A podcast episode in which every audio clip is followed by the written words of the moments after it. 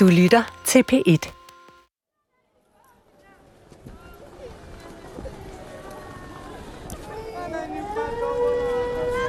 Det er det helt klart en historie, som, som viser at have meget mere at gøre med mig selv, end jeg egentlig havde regnet med. Білий автобус. Den hvide bus. Skal vi tage den from the top? Ja, skal vi ikke det? Jo.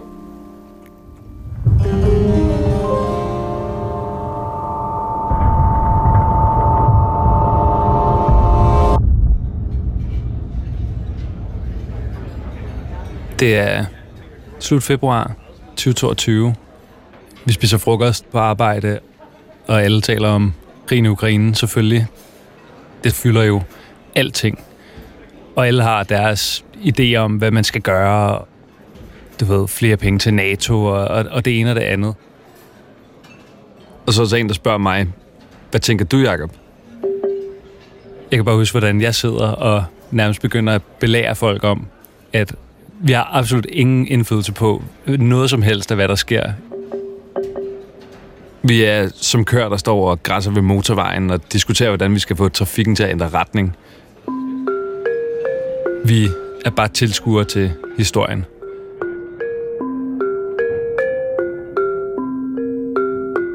Så går der nogle dage. Det er søndag morgen. Jeg ligger i min seng og scroller lidt Instagram, et eller andet lort. Og så får jeg en besked fra min ven, Christoffer.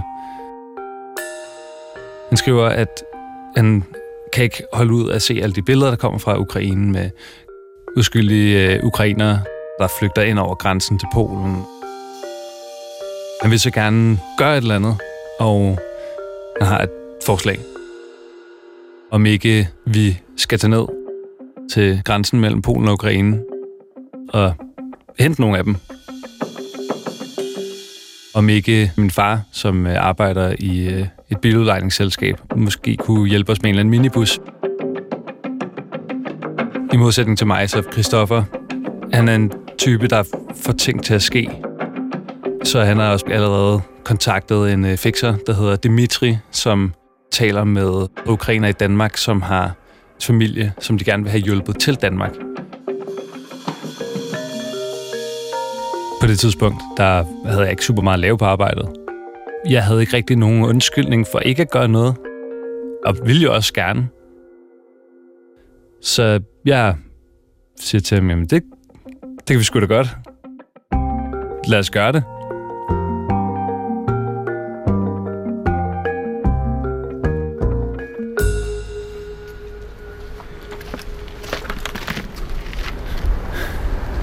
Men er det sådan? Så lidt herinde.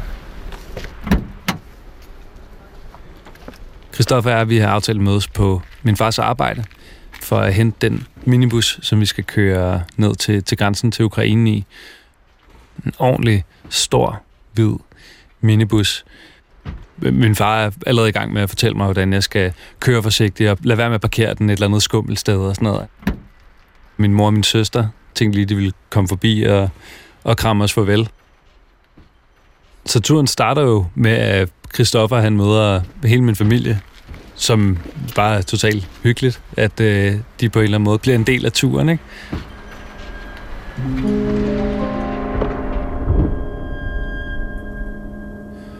Min mors familie er faktisk efterkommere af de polske jøder, der emigrerede til Danmark i starten af 1900-tallet. Men øh, så kører vi ellers væk fra biludlejningskontoret og sætter kursen sydpå.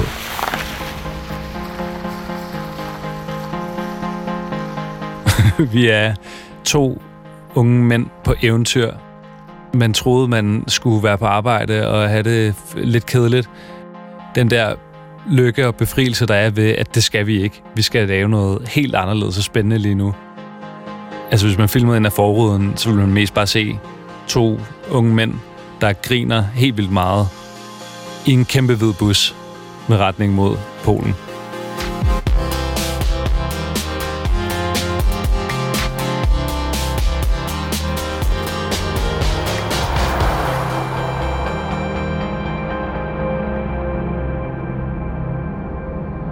det er vildt underligt, fordi mens vi kører igennem Tyskland, så er der fuldstændig skyklar himmel. Solen skinner, vi øh, kigger ud på smuk natur og kører, der står og græsser. Der er bare idyllisk stemning her på motorvejen. Og jeg ved godt, det lyder som noget, jeg finder på, men så snart, at skiltene går fra tysk til polsk, skyerne, de begynder at blive tykkere og tykkere. Langsomt så bliver farven i landskabet bare suget ud. Det er et kogvasket, trist landskab. Som om, at det er et eller andet varsel mod, hvad det er, vi er på vej hen til.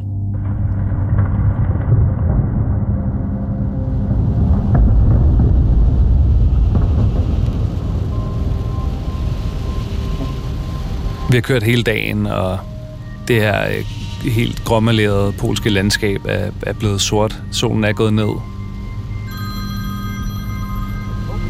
Dimitri, han ringer til os og siger, prøv her, I har kørt hele dagen. Find et hotel. Overnat der. Så vi kører hen til et hotel i Lublin, får parkeret vores store hvide bus, og øh, går ind der for at tjekke ind. Og her ser vi så øh, første gang nogle øh, ukrainere, en stor gruppe, som kommer ind i øh, hotellobbyen. Det er mennesker, man godt kan se, har skudt af døren i en fart. De er pakket fuldstændig ind. De har kufferter, tasker og, og poser, og ligner nogen, der er mest af alt bare rigtig trætte. Det kan godt være, at vi har haft det enormt hyggeligt på hele vejen, men øh, nu begynder alvoren lige så stille at melde sig.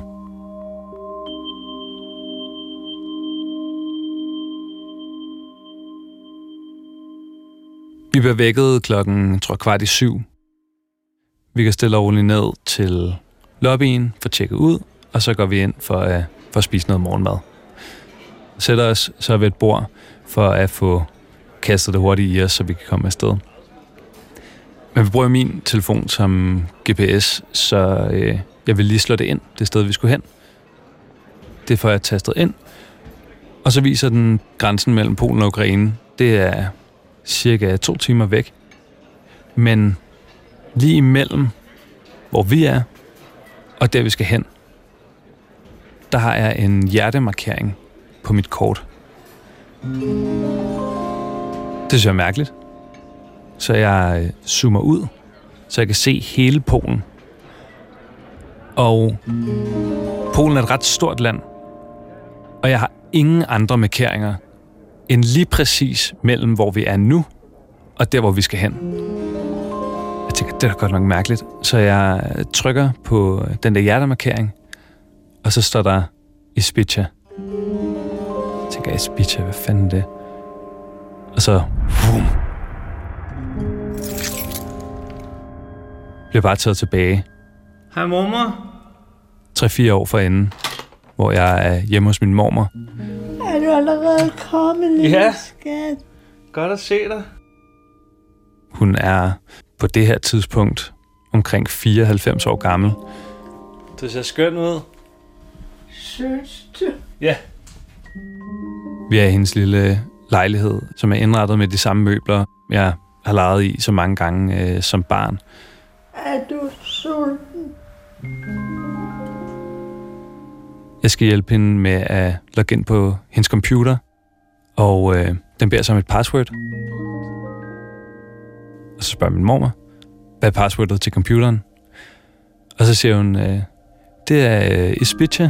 Ispicha. Så Ispicha, hvordan staver man til det? I-Z-B-I-C-A. Okay. Hvad er Ispicha? Nå, men det er den by, mine øh, forældre de kom fra i Polen. Jeg bliver taget tilbage til hotellet. Morgenmadsbuffeten. Folk går rundt og skovler ting op på deres tallerken. Christoffer han kigger på mig og spørger, hvad så, Jacob? Vi kommer til at køre igennem den by, hvor min mormors familie stammer fra.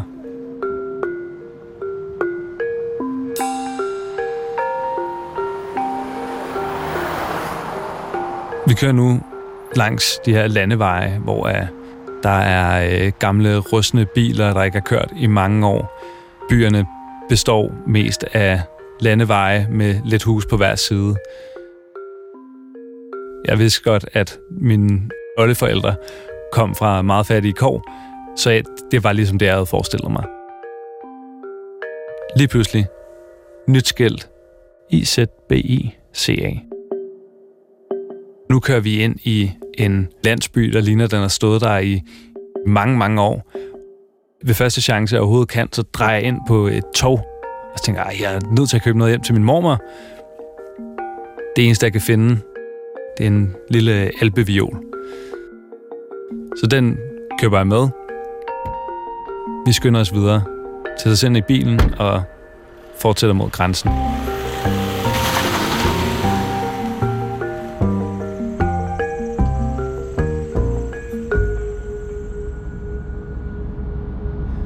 Da vi har kørt lidt, så begynder Christoffer så at spørge mig ind til byen.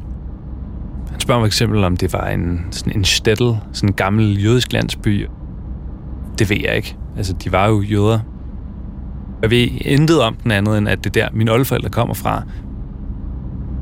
Kan du ikke øh, prøve, prøve at slå den op, se om der står et eller andet? Og så slår han op på byens Wikipedia-side. Der står der, i Spitja, det var en gammel jødisk landsby med 6.000 indbyggere, hvor langt de fleste de var, de var jødiske indbyggere. Og der havde været noget med den russiske revolution. Og Christoffer læser lidt højt. Og så når han selvfølgelig på et tidspunkt til 2. verdenskrig. Ispica var åbenbart et sted, hvor øh, nazisterne rykkede massivt ind. Der var 6.000 indbyggere før 2. verdenskrig, og efter 2. verdenskrig var der 14 overlevende. Så bliver der lidt, så bliver der lidt stille i bilen, ikke? Det eneste, jeg ved, det er, at mine oldeforældre i hvert fald kom væk derfra før 2. verdenskrig, fordi min mormor blev født i København i 1924. Hvornår er du født? 24. Hvorhenne? Nansens Gade. Hvor de nok ikke havde haft en chance i 1930'ernes i Spitja, da nazisterne ankom der. Så havde min familie trods alt en chance for at komme væk, da tyskerne kom til København. Kan du huske, at I havde hørt, at nazisterne ville komme? Ja, vi flygtede til Sverige over sundet. Der nåede de væk med hjælp fra danske fiskere, som hjælp jøderne med at flygte til Sverige. Der var nogen, der, der druknede. Da du var på vej over sundet, Ja, men ikke på vores båd. Det var jo heldigt. Tak Gud.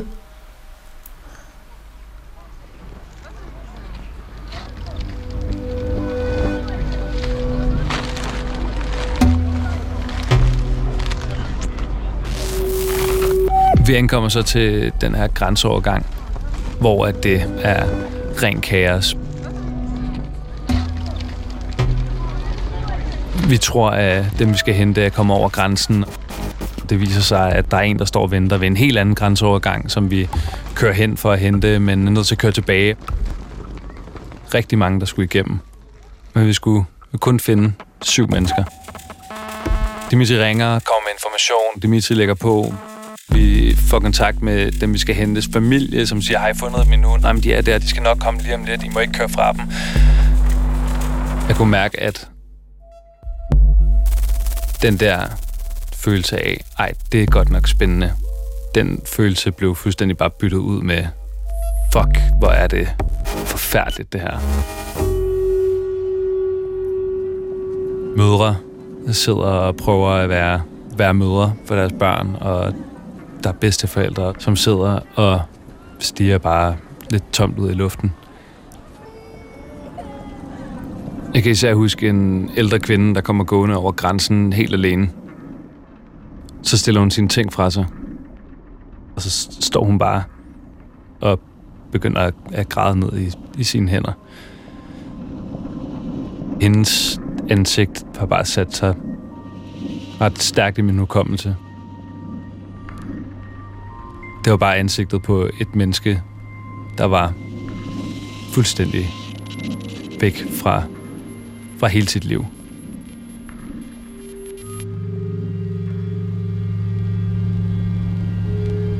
Måske 10 timer efter vi ankommer til den grænseovergang, først der er vi klar til at køre nordpå igen med en bus fyldt med ukrainske flygtninge. Når jeg kigger op i bagspejlet, så ser jeg tre ældre ukrainere og to kvinder i 30'erne. Den ene med sin datter, og den anden med sin søn. Jeg kan huske, at jeg tænker over, at han øh, virkelig ligner mig som barn. Med sådan lidt runde kinder og mørkt hår. Han har et meget fjernt blik. De er alle sammen mærket af, at de har rejst langt. Vi prøvede at kommunikere lidt via Google Translate, kunne ikke rigtig lade sig gøre. Så jeg tror, at der, hvor øh, de på en eller anden måde sagde mest, det var, når det gik op for os, at der var helt stille i bilen. Nogle af dem lå bare og sov, mens andre stirrede tomt ud af vinduet. Sådan et tusind års blik. Og man kan se, at det, de ser for deres indre øje, var noget andet end det landskab, som jeg kiggede ud på.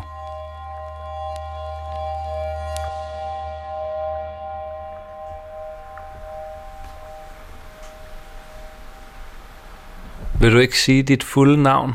Så tester jeg lige lyden. Du kan ikke grine med mig. Nej. Hvad hedder du? Ruti. Rakel. Jeg er 98. En halv. Mormor, kan du huske, at jeg kørte ned til Polen? Til, Ja. til grænsen til Ukraine? Ja. Kan du huske, hvad det var for en by, jeg, jeg kørte forbi? Ja, den hedder Istbitja. Lige præcis. Nu kan jeg lige se, der er kommet øh, blomster på alpeviolen. Den, jeg havde med. Ja, Den er blomstret igen. ja. Det var vildt. Det er mor, der passer på den. Vi var jo på vej ned for at køre nogen til Danmark, som flygtede fra russerne i Ukraine. Så vi kørte jo dem til Danmark. Ja. Syv ukrainere. I går, der besøgte vi i går, der besøgte vi en af de øh, ukrainere, som vi kørte til Danmark. Ja. Der var nemlig noget vigtigt, som jeg gerne ville tale med hende om. Her er Shanna Kochakovska. Hej. Tak fordi vi må komme. Ja, velkommen. Velkommen. Tak. Tusind tak. Hej. Hej hej. Hej igen. Hej. Hej så. Jeg hedder øh, Jule. Jule. Jule. Ja, vi er jo kommet ind i en lille lejlighed i, i Ringkøbing, øh, hvor øh, øh, Sannas søn sidder og ser, øh, ser noget på sin telefon. Øh, han var jo også med i bussen. Det er virkelig sjovt at se. Også fordi han, han ligner lidt mig, øh, da jeg var lille. No dawaj komuś. Tak, ja, tak. Ja tak. tak. Selv tak. Selv tak. ja. øh, jeg vil enormt gerne høre, bare til at starte med, hvordan du har det. Godt.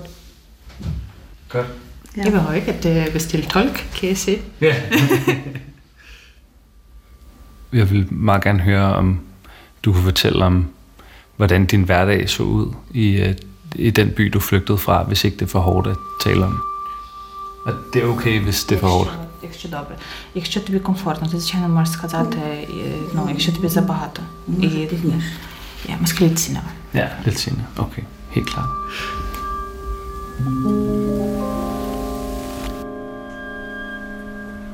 Men mormor, Ja.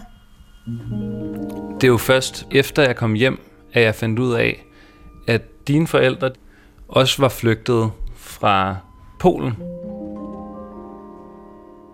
Det, der virkelig vendte op og ned på hele den her oplevelse for mig, det var, at jeg fandt ud af, efter jeg kom hjem, at mine oldeforældre ikke bare flyttede fra Polen. De flygtede. Blandt andet på grund af, hvordan, hvordan kosakkerne de var over for jøderne i den periode. Ja. De flygtede under pogromerne, altså jødeforfølgelserne i Østeuropa, før 2. verdenskrig. Så de var også flygtninge. Og ikke, ikke nok med det. Kosakkerne var jo ukrainer.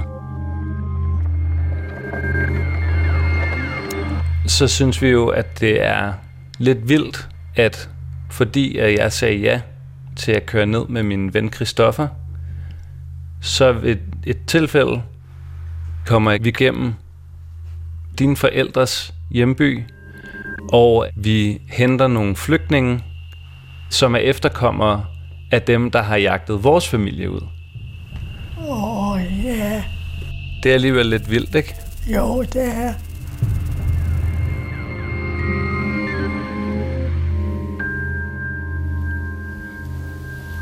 Når jeg sådan spørger ind til den tur af dit liv i Ukraine, øh, bliver du meget berørt?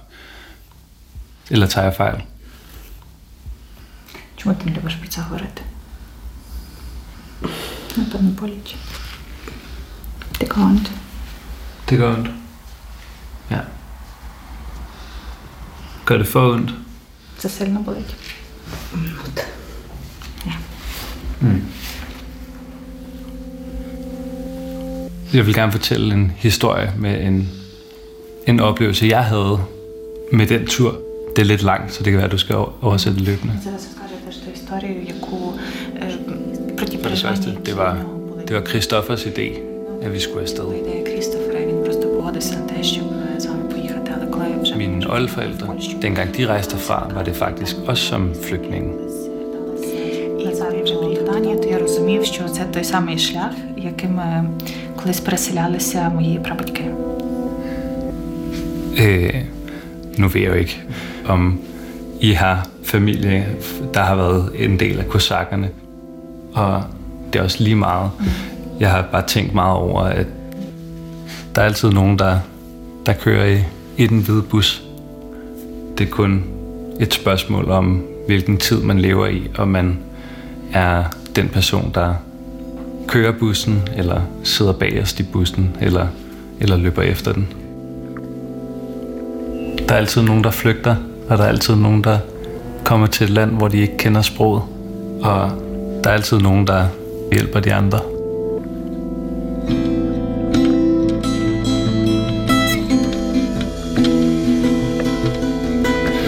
Ну, мені здається, взагалі, е, що ми всі якось пов'язані. Всі люди на землі якось зв'язані, що все одно десь, десь є в когось. е, Hun synes, at det er vildt symbolsk, og det viser også, at vi alle er forbundet, og hvor stærkt vi er, når vi står sammen. Øh, vi er meget stærke, når vi er sammen, når vi hjælper hinanden. Det kan være, at din søn giver mig et lift en dag. Можливо, колись твій син допоможе мені, коли це буде потрібно. От, бо щоб ми були всі живі, здорові. Jeg håber, det aldrig bliver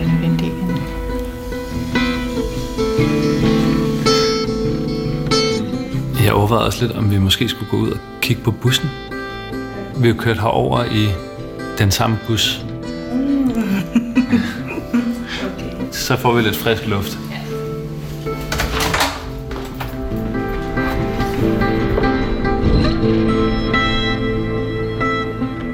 Noget andet med turen til Polen, det det, det vi kørte ned i, det var en hvid bus. En bus. En hvid bus. Gud, det var så underligt. Ja, er det ikke sjovt? Jo. Det var den, de blev reddet.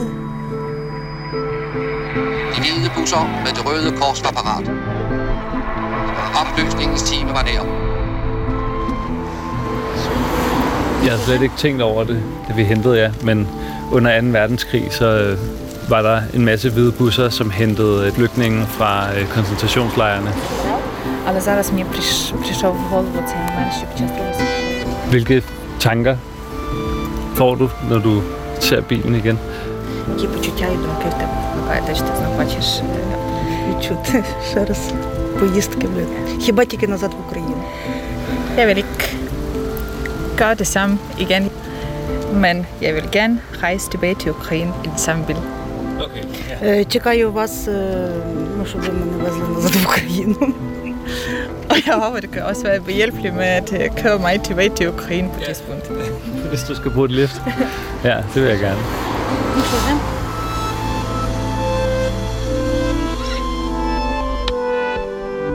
Vær forsigtig, når du kører bil. Ja, ja. Jeg passer på. Jeg elsker dig. Jeg elsker også dig.